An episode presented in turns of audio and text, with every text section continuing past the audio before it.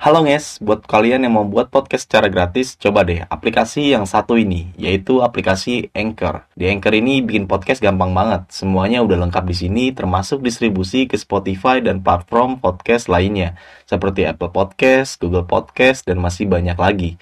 Jadi tunggu apa lagi? Download aplikasi Anchor sekarang dan buat podcast kalian semenarik mungkin segera.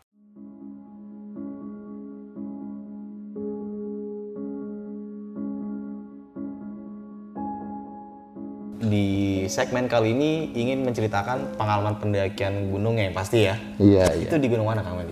Di Gunung Sindoro, Pia Doro Arum gitu. Itu. Arum. Doro Arum ya. Itu tahun berapa Kang? Awal tahun 2022. Ih baru banget kemarin. Iya.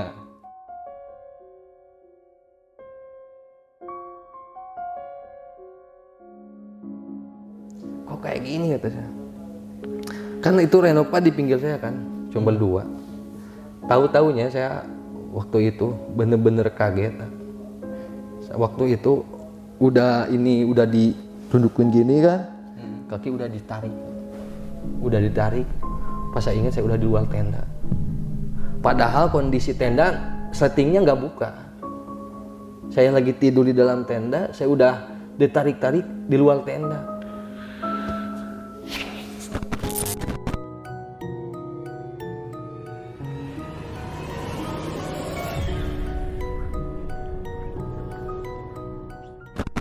Assalamualaikum warahmatullahi wabarakatuh. Balik lagi nih dengan gua Indra di besok pagi. Sebelumnya gua sangat berterima kasih banget buat teman-teman semua yang sudah mensupport Menonton, mendengarkan besok pagi sampai saat ini. Semoga teman-teman semua yang menonton dan mendengarkan video ini Selalu diberikan kesehatan oleh Tuhan Yang Maha Esa.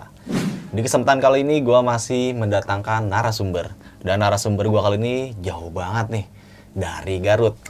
Gokil banget kita langsung aja sapa narasumber gua kali ini. Halo, Kang Wendy. Iya. Sehat, Kang? Alhamdulillah sehat bang. Gila dari Garut, Kang Wendy datang ke sini ya. Iya Kang alhamdulillah. Wendy ini salah satu pegiat alam atau sering buat mendaki gunung ya, Kang ya?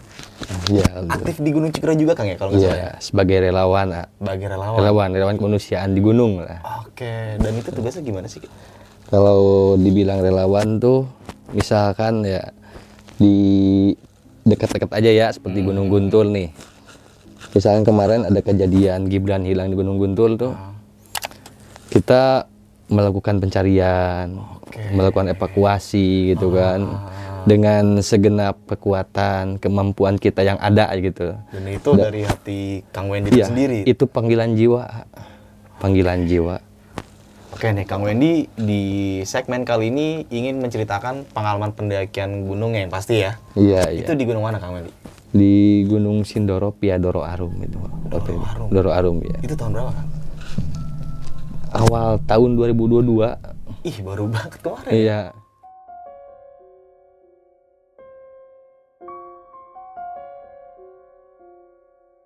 Di Gunung Sindoro. Gunung Sindoro Ah, ya. Kang Wendy mengalami kejadian apa sih kalau kita mengulas dari sisi mistisnya itu? Iya. Kejadian waktu itu di Sindoro saya pribadi gitu ya. Hampir merenggut nyawa.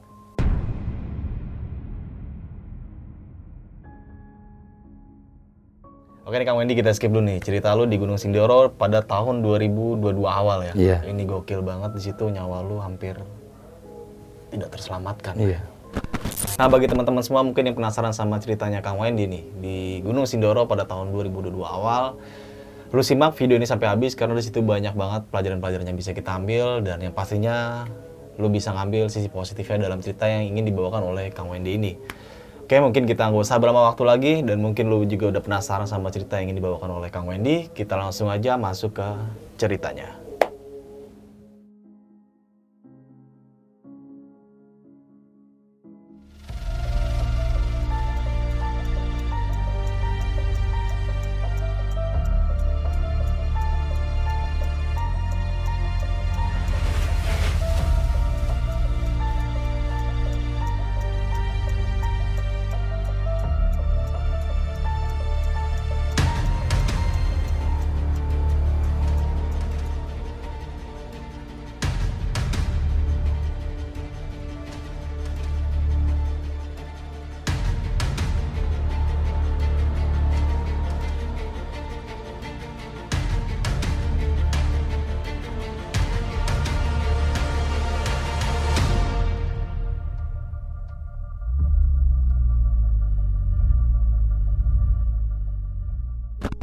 Oke nih Kang Wendy, tadi di segmen sebelumnya di awal pembukaan video ini lu sempat menjelaskan kalau lu di Gunung Sindur ini nyawa lu itu hampir tidak tertolong. Nah, lu bisa ceritakan gak sih Kang Wendy? Pasti di situ ada hal-hal ganjil yang lu rasakan. Lu bisa ceritain gak dari awal sampai akhir nih dan lu kembali di sini menceritakan pengalaman pendakian lu seperti apa? Silakan Kang. Ya, eh, alhamdulillah pada tahun 2002 awal Hmm. saya mengadakan nanjak bersama ke Gunung Sindoro via Doro Arum waktu itu.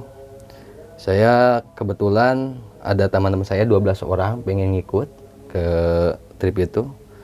Ya, kita berangkat dari saya start dari Garut, dari Garut dan ngambil orang-orang dari Tasik dan juga Ciamis waktu itu. Dia sesampainya di base camp lah, itu sesampainya di base camp. Kita di briefing sama orang base camp sana langsung bahwa kita eh, ke Gunung Sindoro ini nggak boleh bawa daging mentah.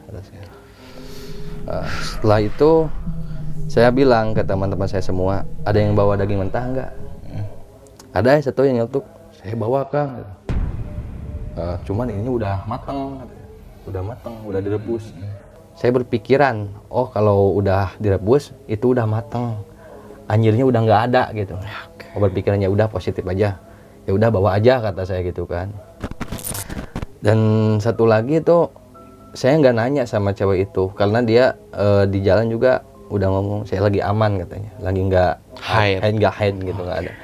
Ya udah kita eh, singkat cerita kita registrasi kita pamitan sama orang base camp karena waktu itu kalau nggak salah cuma ada dua rombongan. Rombongan saya dan rombongan dari orang Cilacap gitu ya. Ya. Eh, singkat cerita saya naik sampai pos 1 itu. Kita biasa berfoto-foto dulu bang ya. Eh, dari situ jalan. Dari atas pos 1 menuju ke pos 2 kita ada hujan tuh diguyur hujan tuh.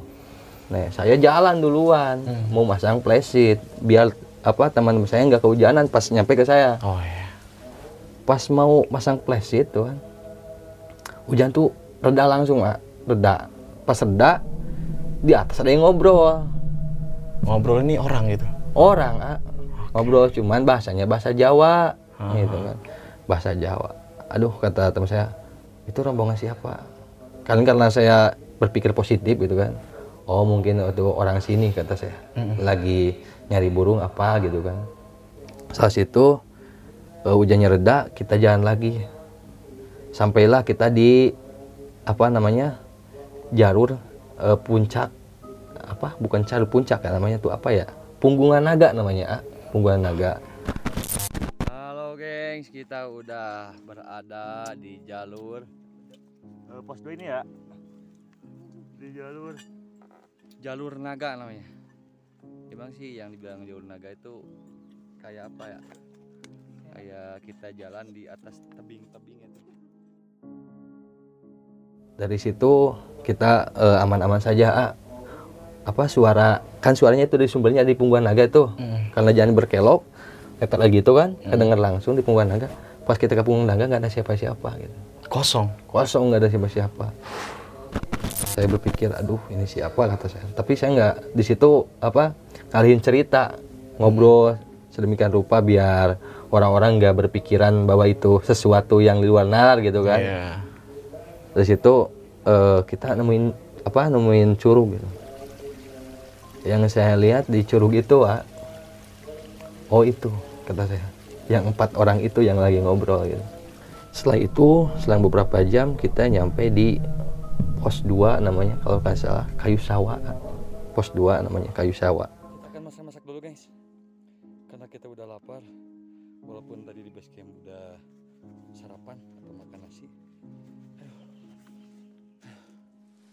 situ kita kehujanan beberapa jam kalau nggak salah. Dari jam 11 kalau salah sampai jam satuan. Jam satu di situ kehujanan benar-benar deras ah.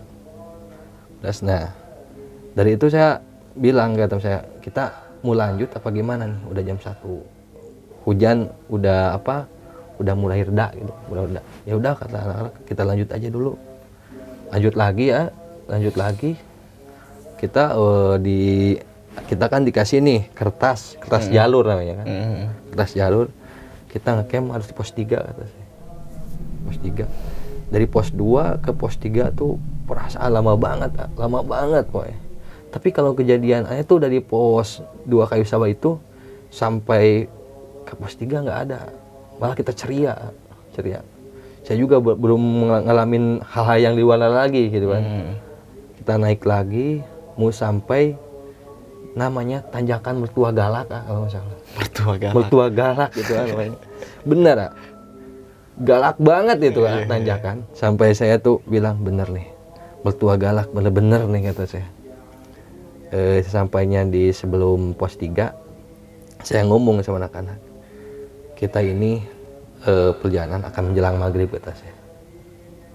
Di maghrib itu kita harusnya sholat dan kalau kita melakukan pendakian kita nggak boleh ada satu langkah pun kata saya kecuali kita melakukan kegiatan sholat kata saya karena saya selalu berpegang teguh di mana pun dan kapan pun walaupun kita di gunung walaupun posisi darurat kita harus tetap melakukan kewajiban kita seorang se, apa sebagai orang umat muslim gitu kan Iya.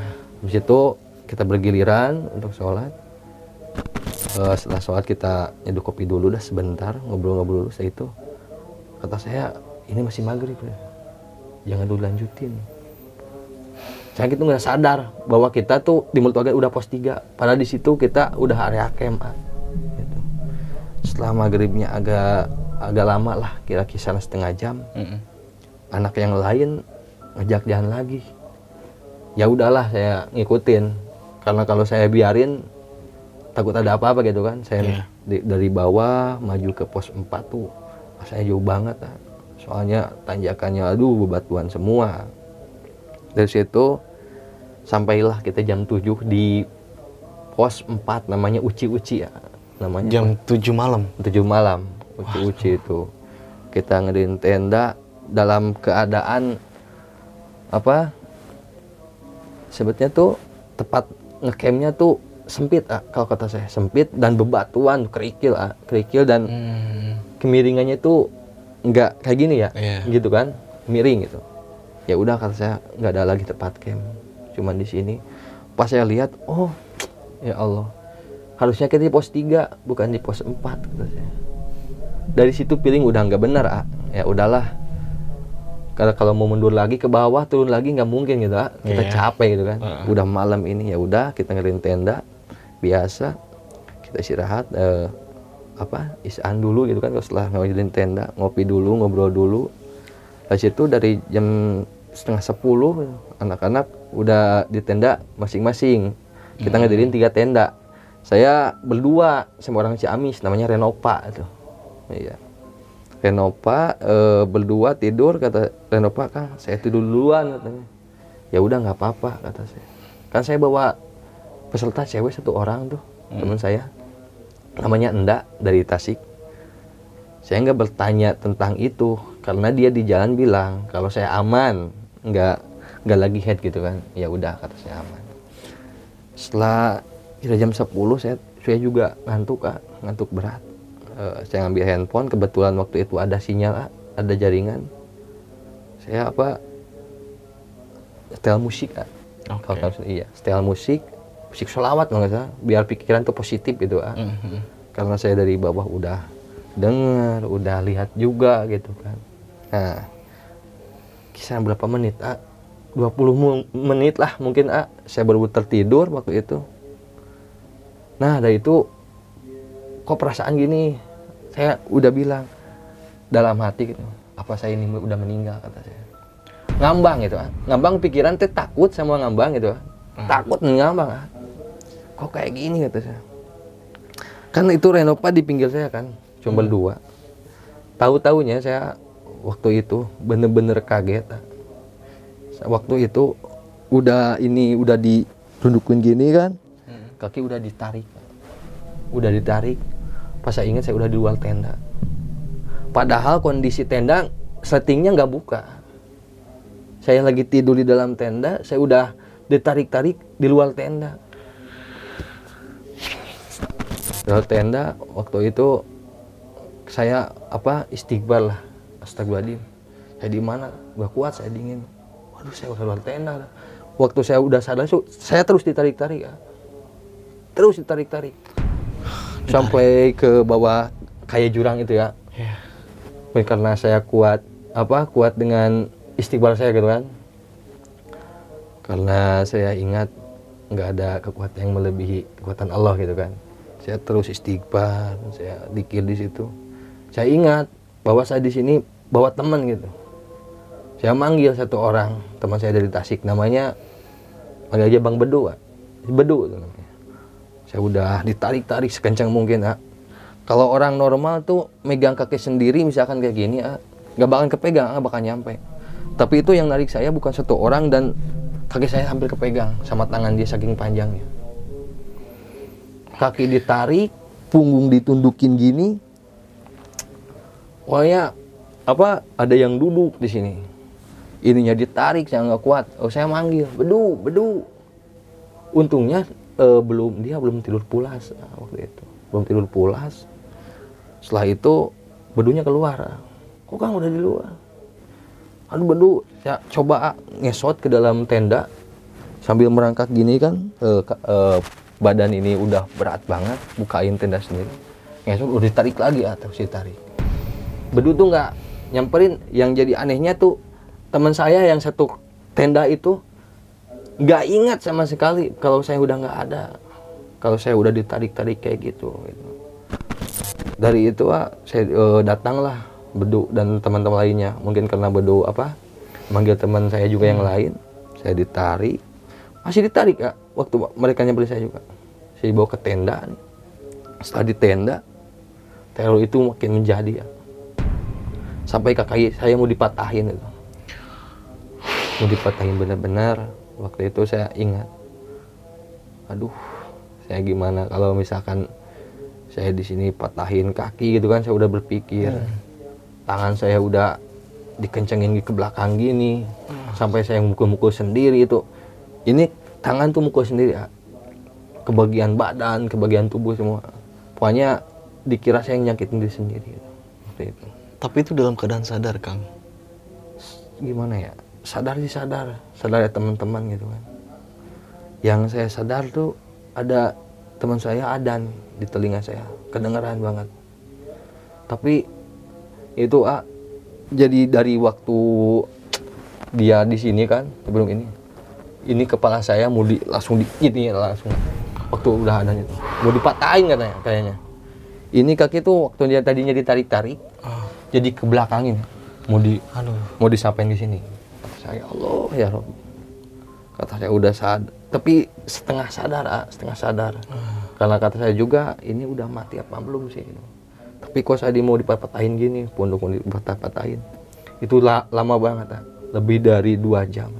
Gila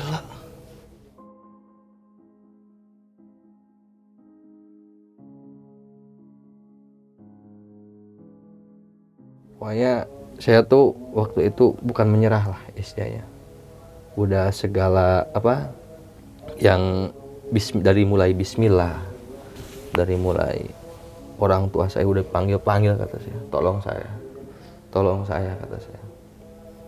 Aduh dari situ ah belum juga reda ah, teror saya terus dan menerus. Sampai di titik kaki saya dipegang sama mereka di gini nggak bisa bergerak sama sekali. Karena dipatahin nggak bisa mungkin karena sama hmm. anak-anak hmm. dipegangin kan kan mau dipatahin sampai sini ini mau, mau dipatahin juga nih udah sakit luar biasa. Setelah itu yang saya sakit tuh bener ah, di punggung perasaan ada dua orang yang injak saya. Waduh waduh gitu aduh. Ini kalau istilahnya ah, bukan siksa gimana? Disiksa lah istilahnya disiksa gitu saya nggak nggak dari situ dua jam.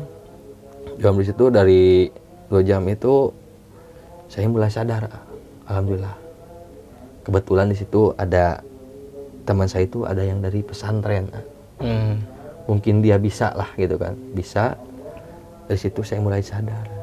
Ya sadar dulu ah sadar. Harus sedikit sedikit e, minum kang. Ya udah saya minum dulu minum minum sambil mereka baca baca Al-Quran lah sebisa hmm. mereka gitu setelah situ ah saya ini sadar kata saya. Saya, saya udah sembuh kata saya. Terus nggak ada. Dari situ selang berapa lama kira-kira 20 menit lagi. Udah ah, dari situ saya apa udah nyerah katanya dari saya teh mau muntah darah saya itu muntah darah. Muntah terus muntah. Udah hampir apa ya di fase kita muntah udah gak ada yang keluar lah. Udah nggak mau. Hmm. kan kalau pertama kita lendir di sini udah udah udah, udah kan kalau darah rasanya agak asing gitu kan kalau di mulut. Udah mulai apa ya udah mulai capek ah muntah. Ratusan kali ya ratusan kali itu saya muntah. Hmm. pokoknya udah di fase gimana ini sakit semua badan sakit semua kaki sakit semua. Aduh saya udah menyerah ya Allah. Tolong sembuhkan saya kata saya ini ada apa? kata saya. Saya keperasaan nggak buat apa keonaran di tempat ini kata saya. Nggak tahu saya tuh waktu itu ya saya udah pasrah sama Allah. Kalau emang saya mau mati di sini silahkan kata saya. Tapi usul makan saya kata saya.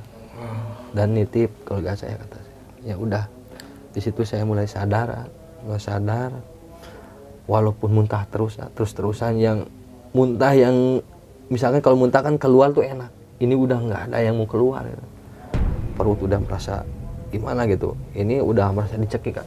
udah sakit banget mana sakit banget kalau sampai 4 jam tuh ini terus gerak dia nyiksa saya sendiri gitu. refleks sendiri gitu karena dia mungkin nyiksa dengan mau matahin kaki Hmm. punduk saya nggak bisa gitu dia nyiksa- apa ngegerakin tangan biar nyiksa gitu lama lama ah, dari situ gimana nih caranya? kata anak-anak udah kedenger ya gimana caranya nih? Saya pingsan di situ pingsan sadar lagi ya muntah lagi terus muntah yang nggak keluar apa pun gitu. Itu eh, lama kelamaan sih ya mungkin di orang itu capek gitu kan karena juga saya juga di apa di dalam hati tuh ngomong nggak berhenti saya berdoa nggak berhenti saya apa manggil orang-orang yang soleh lah yang udah nggak ada saya panggil saya berdoa sama Allah ya Allah selamatkan saya dari gunung Sindoro ini. Kalau emang ada yang terganggu dengan niat ataupun apa sifat dan kelakuan saya mohon dimaafkan. Di situ saya udah merasa gak kuat lagi. Walaupun udah gak kuat gimana caranya saya harus sembuh dari ini gitu kan dari teror ini katanya. Saya nyuruh sama anak-anak. Pindahin saya dari tenda ini kata saya. Tapi maaf maaf. Saya punya seseorang ada di pinggir saya ini. Pinggir saya ini. Sampai sekarang juga ada nih. Dia bilang saya berterima kasih sama Allah dan sama dia juga.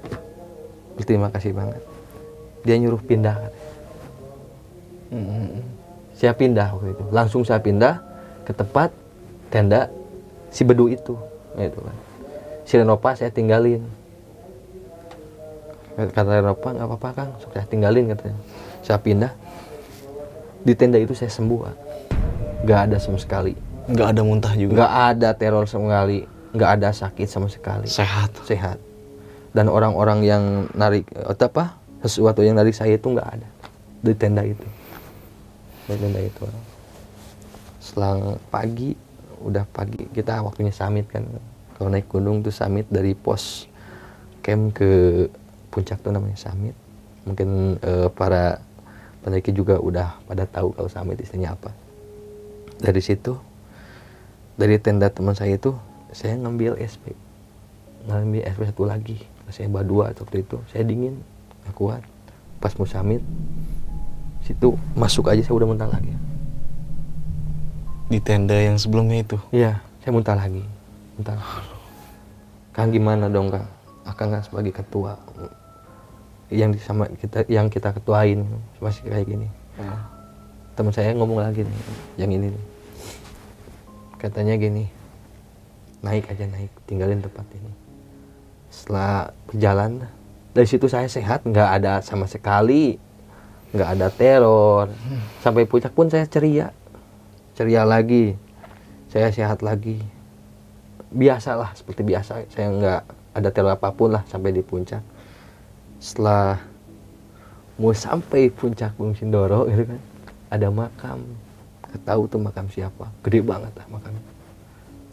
Itu di puncak Doro Arumnya ada makam gede banget tuh. Nggak tahu makam siapa saya doain dulu carain dulu katanya. Jika kedatangan saya mengganggu saya minta maaf yang sebesar-besarnya.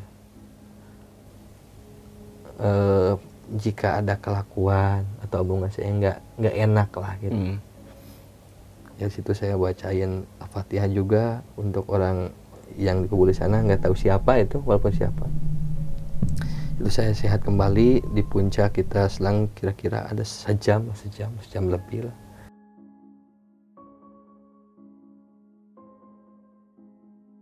Kita turun kembali ya. Dari puncak itu.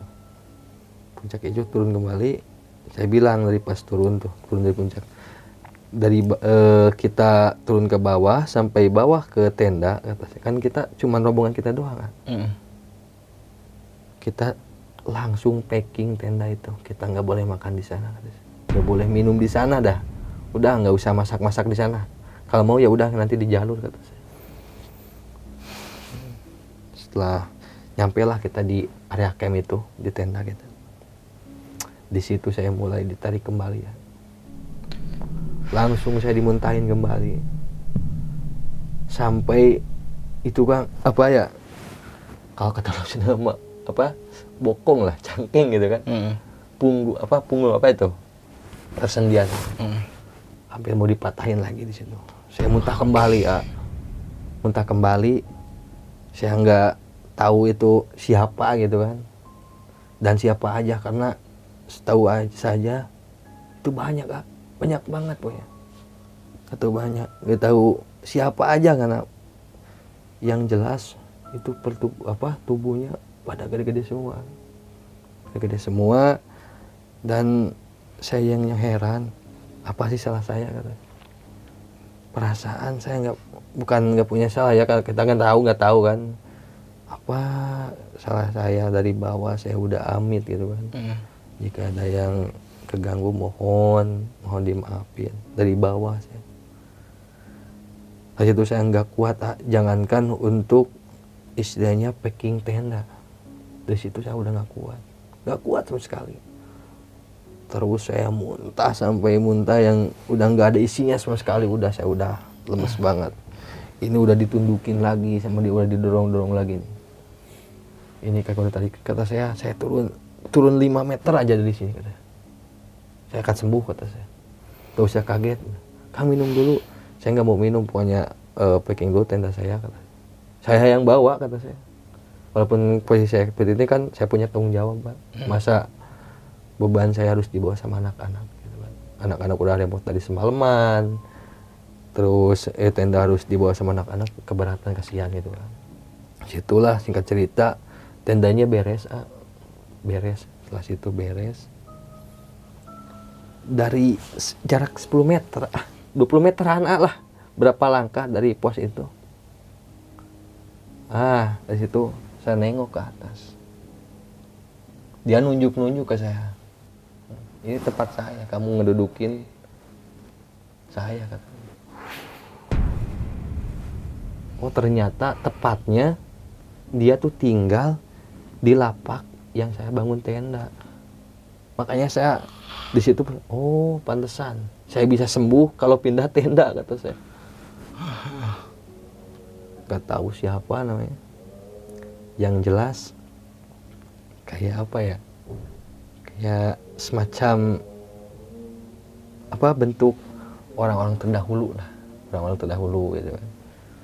Mungkin zaman-zaman kerajaan kayak gitulah gitu. nunjuk sama saya.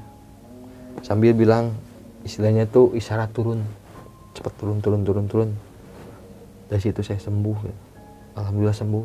Saya berjalan lagi ya. Normal lagi dari situ normal dari situ saya berpikiran alhamdulillah kata saya udah sembuh.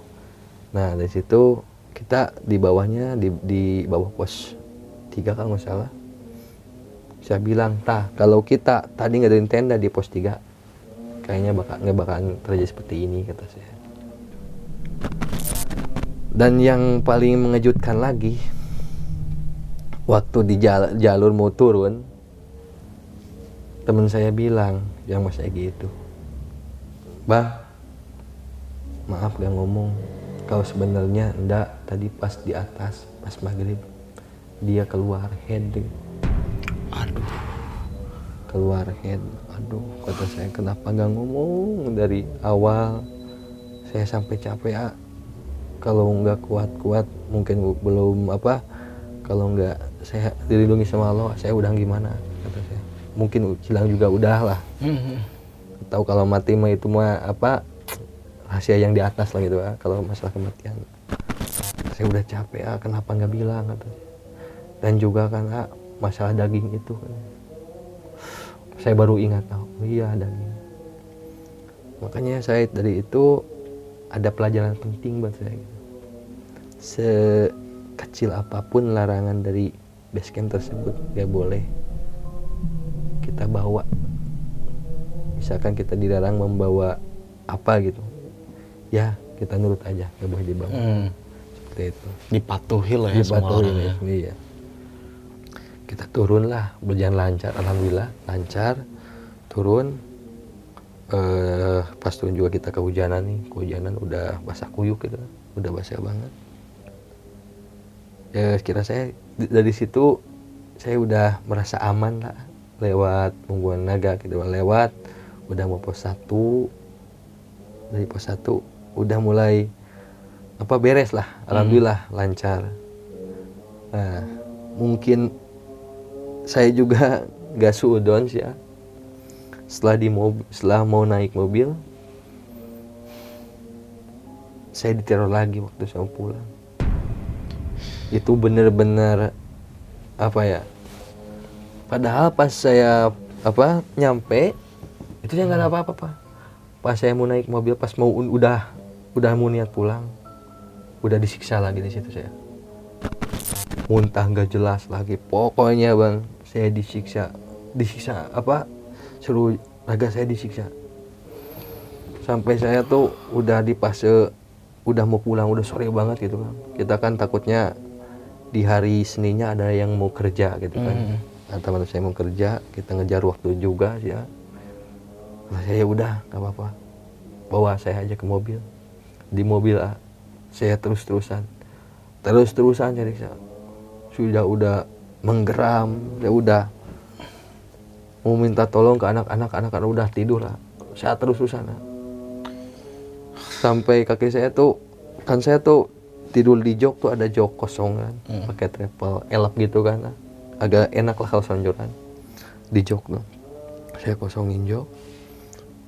Itu kaki saya mau di ke atasin. Dan yang mau diambil apa patahin kayaknya tutut apa kaki itu.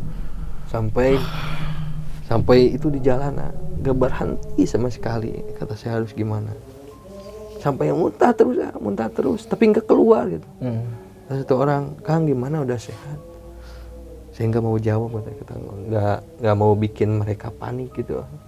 Bener panik.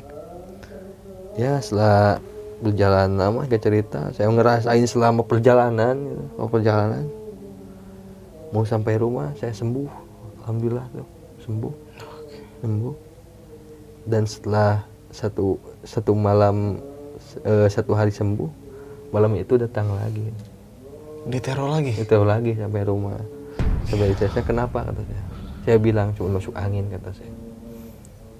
Padahal nah, dia ngikutin ah, sampai rumah gitu sampai rumah. Aduh. dan kembali ya. Nah saya datang ah, ke seorang gitu kan. Mhm. guru ngaji saya. Nah, guru ngaji nggak akan saya sebutin namanya. Eh, saya mengalami hal-hal kayak gini. Eh, berawal dari kesalahan teman saya yang bawa yang Daging itu. daging itu dan juga kemarin nggak ngomong waktu di gunung Mhm. yang diteror saya sendiri saya menanggung apa Bebannya. beban akibat perbuatan orang Iya. aduh tapi saya tuh dari situ berpikirnya oh mungkin salah saya juga itu daging malah dibawa sama saya gitu aduh katanya. Nah setelah lu berobat sama guru ngaji itu, ini kan semua udah sehat dan berjalan sempurna gitu. Ibaratnya lu tidak mengalami kejadian teror lagi dan lain-lainnya. kalau apa terornya enggak cuman kalau dianya ada Maksud dianya ada itu apa itu Kang?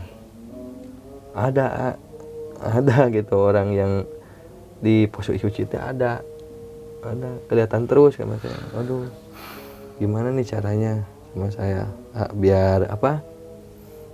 Biar apa ya? Biar dia hilang gitu biar dia nggak ada ngikutin lagi. Satu ketika saya ingat itu saya sengaja Mm. nggak tahu istri saya nggak tahu yang di rumah gitu. Saya bilang saya mau keluar karena bukan dia minta jatah daging itu. Saya yang keluar saya harus berobat kembali kata saya. Dan ternyata gitu ah, ternyata waktu itu apa ya nggak tahu kotoran headnya itu saya bawain carriernya kan waktu itu teman saya itu. Kayak yang kebawa ke rumah saya bongkar tuh isinya ada se- se- sedikit. Aduh ini. Pembalut itu. ya mungkin lah ah, mungkin eh, kalau pembalut itu kena celana apa gimana gitu. Apa nempel apa kalau tas kan kalau naik gunung tuh dikumpulin ya kan. Saya tidur di dekat tas-tasnya itu. Mungkin udah nempel lah baunya ada. Makanya diikutin sampai rumah. di rumah ya Gokil. Sampai lu diteror ini sampai gila banget ya. sampai rumah ya Dan di sini kita bisa ambil kesimpulannya bahwasannya segala larangan Iya. dari pihak base camp baik Se- sekecil apa pun sekecil apa pun, ya harus kita patuhi Harus larangan kita itu. patuhi, ya, ya, Karena yang kena dampaknya ya bukan cuman diri kita sendiri, bahkan orang lain bisa terkena dampaknya. ya. iya bener banget ah. Oke nih, Kang Wendy, kita bahas eh, cerita pengalaman pendakian Sindoro lu di sesi tanya jawab.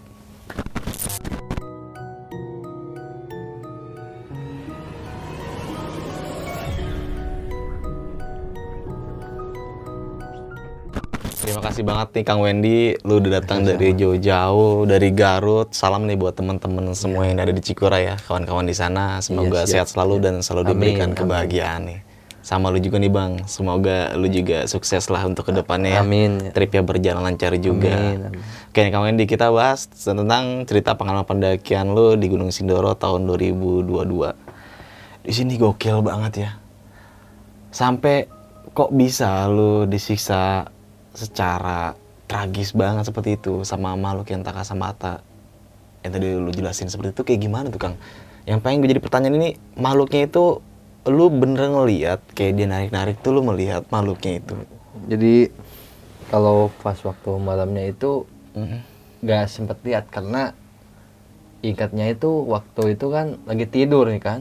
Lagi lelap terus tuh perasaan gak keruan ah, ngambang gitu saya bilang apa saya udah meninggal kata saya kan? Nah terus saya berpikir kayak gitu kok rasa saya takut ya? Takut banget gitu kan? Takut banget. Pas di saya sadar deh ini udah ditarik kak.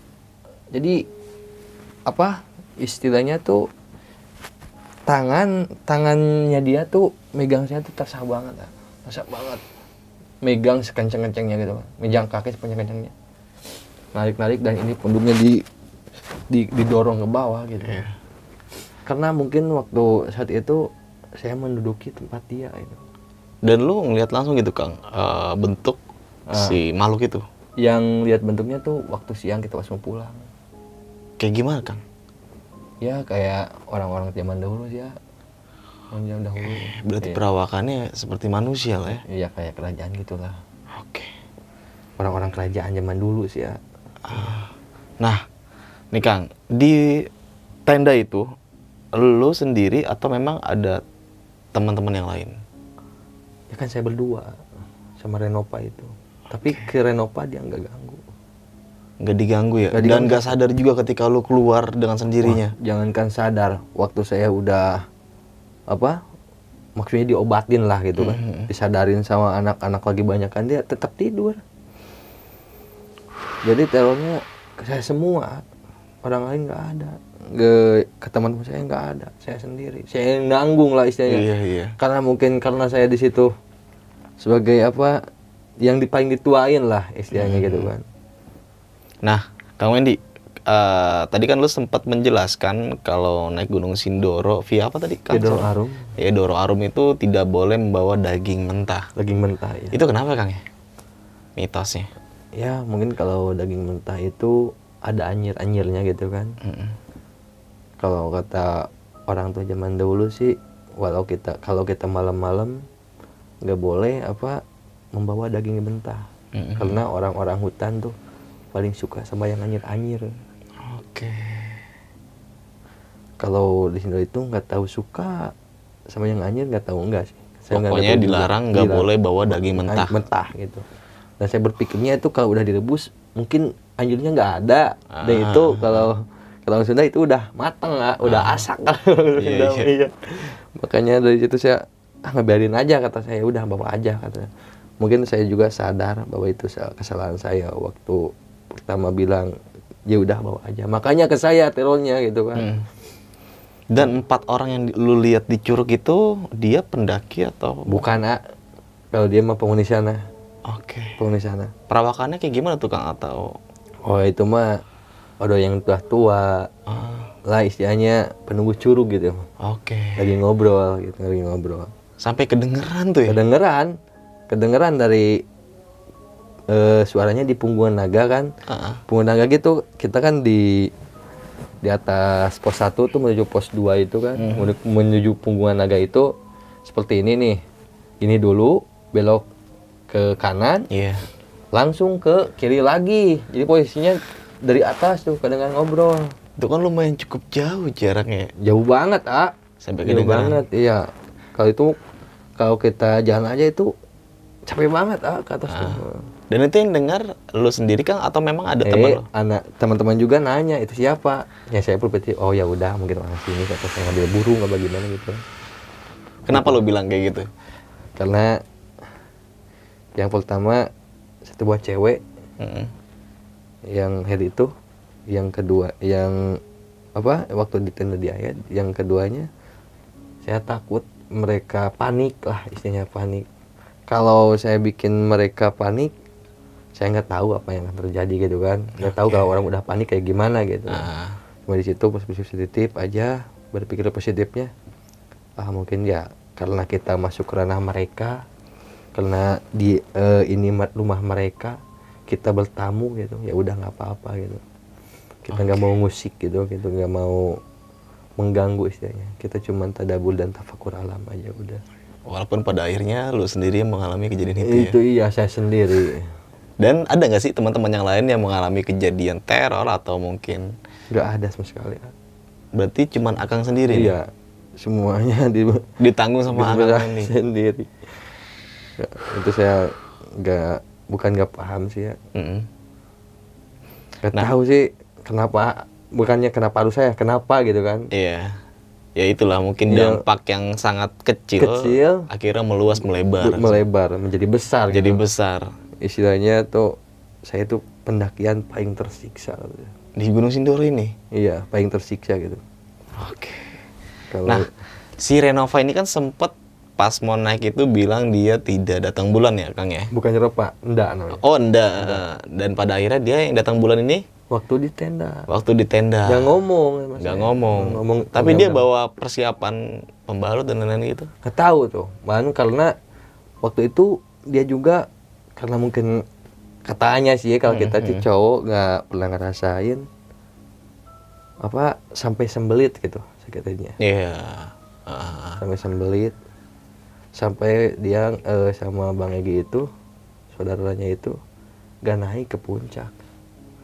Dia gak ngomong gitu waktu naik puncak gak ngomong sama sekali saya. Makanya saya baik-baik aja lah bilangnya.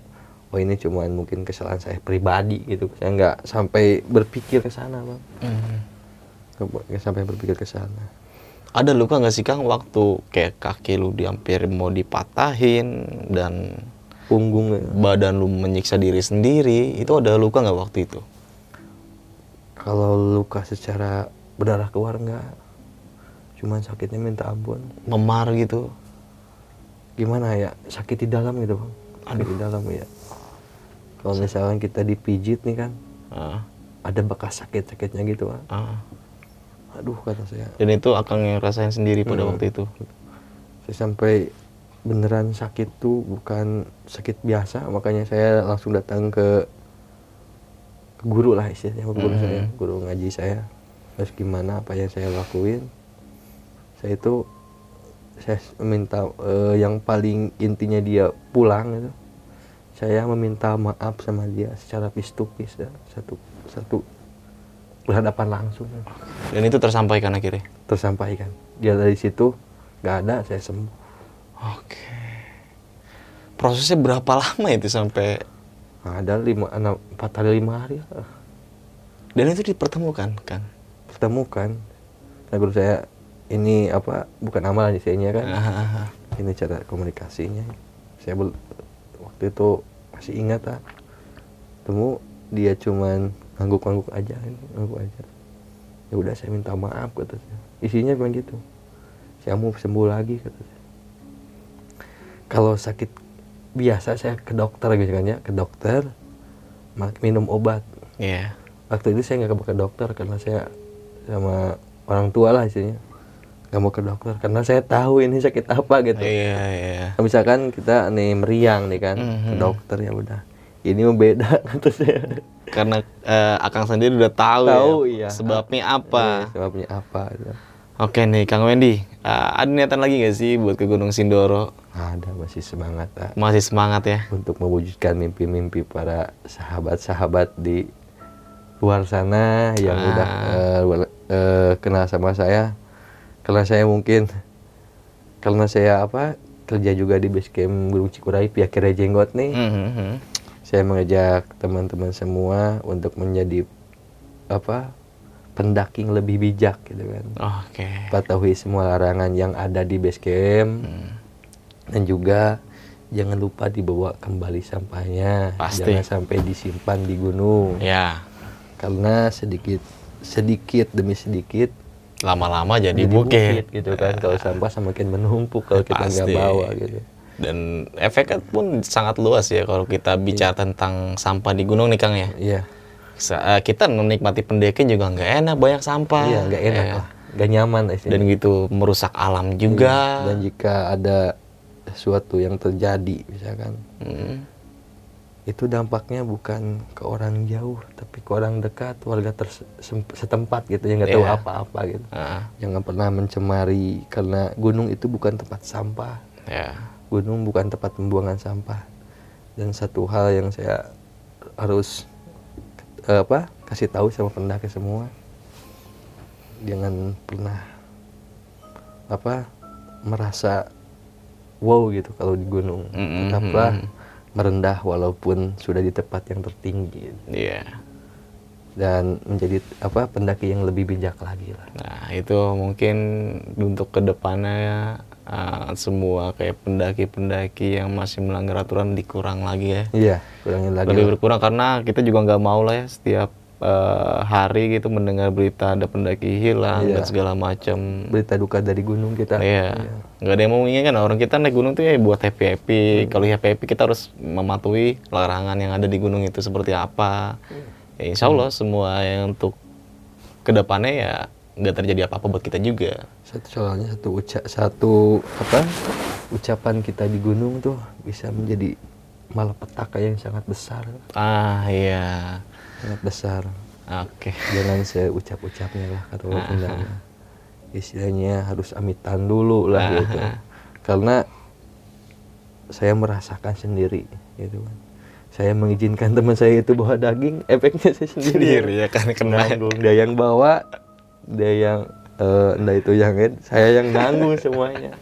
Makanya dari itu saya pastiin sahabat-sahabat yang kenal sama saya. Ah, mungkin karena saya udah terkenal di dunia pendakian namanya Kang Wendy Cikuray lah istilahnya Iya. khususnya untuk ya anak-anak yang mau ke Cikuray kalau mau naik eh, niatan untuk takap eh, tadabur Iya. tadabur tasakur alam Melihat keindahan alam bukan untuk membuang sampah atau berbuat mesum di gunung. Wah, lah. bener banget Di tuh. Harus gitu. didengar tuh ya teman-teman semua nih yang menyimak video ini. Tapi bicara tentang Cikuray, dulu gue pernah ke Cikuray. Tahun berapa Bray lagi tuh Bray?